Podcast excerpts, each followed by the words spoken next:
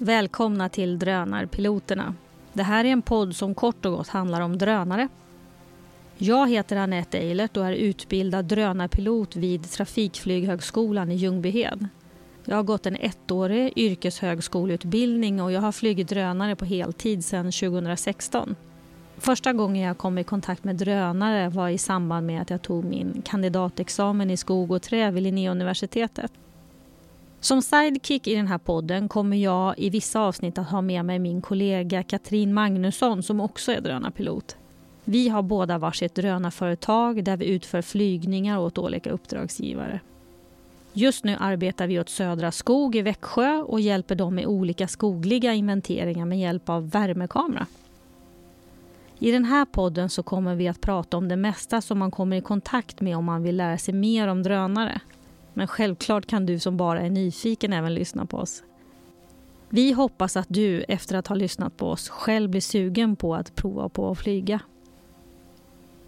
Användningen av drönare det har ju ökat explosionsartat både i Sverige och utomlands på bara några få år.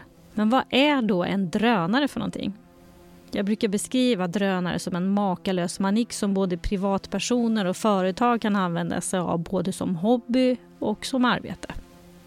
Rent fysiskt så är en drönare en flygfarkost som kan se lite olika ut beroende på vem som har tillverkat den och vilket användningsområde man ska ha den till. Alltså det hänger på vilket material som du vill samla in. Grovt sett så kan man eh, dela in drönare i två olika huvudgrupper.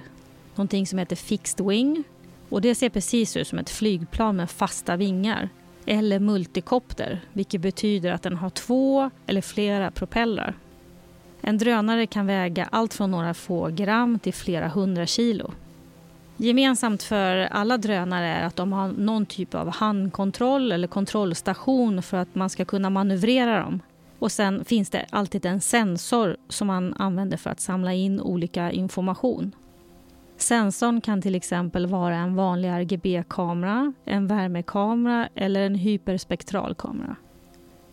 Men vad ska man ha en drönare till då? Jo, det finns massor av användningsområden. Inom tv och film och reklamprodukter är drönare mer eller mindre ett standardverktyg idag. Ni som någon gång har tittat på TV4 vet precis vad jag menar. Det finns knappt en tv-produktion idag som inte vid något tillfälle använder sig av drönarfilm. Men drönare används även för att samla in fältdata från skogen. Och inom jordbruket kan man samla in data om hur grödorna mår för att kunna optimera odlingen. Man kan läsa om plantorna har fått för mycket eller för lite näring, om det är torrt eller blött i marken. Drönare används också av räddningstjänsten för att snabbt få en överblick över till exempel en skogsbrand eller trafikolycka eller någon naturkatastrof, översvämningar. Och drönare används även till att besikta broar och höga byggnader och göra 3D-modeller. Inom bygg och anläggningsvärlden så används drönare för att planera nya byggnationer, men man kan även använda det till att se vilken utsikt hyresgästen kommer att få från vardagsrummet på tionde våningen innan huset ens är byggt. Det är helt fantastiskt, eller hur? Det här som jag har räknat upp är bara några exempel på olika användningsområden. Men du kan naturligtvis använda drönaren till att filma och göra snygga produktioner för sociala medier eller ta fina semesterbilder hem till albumet. Men innan du börjar flyga drönare så är det en hel del saker som du behöver känna till innan du sätter igång. Det finns lagar och regler som du som drönarpilot måste kunna för att flyga på ett säkert sätt. Allt det här ska vi prata mer om i nästa avsnitt som kommer på onsdag nästa vecka. Vi hörs! Hej så länge!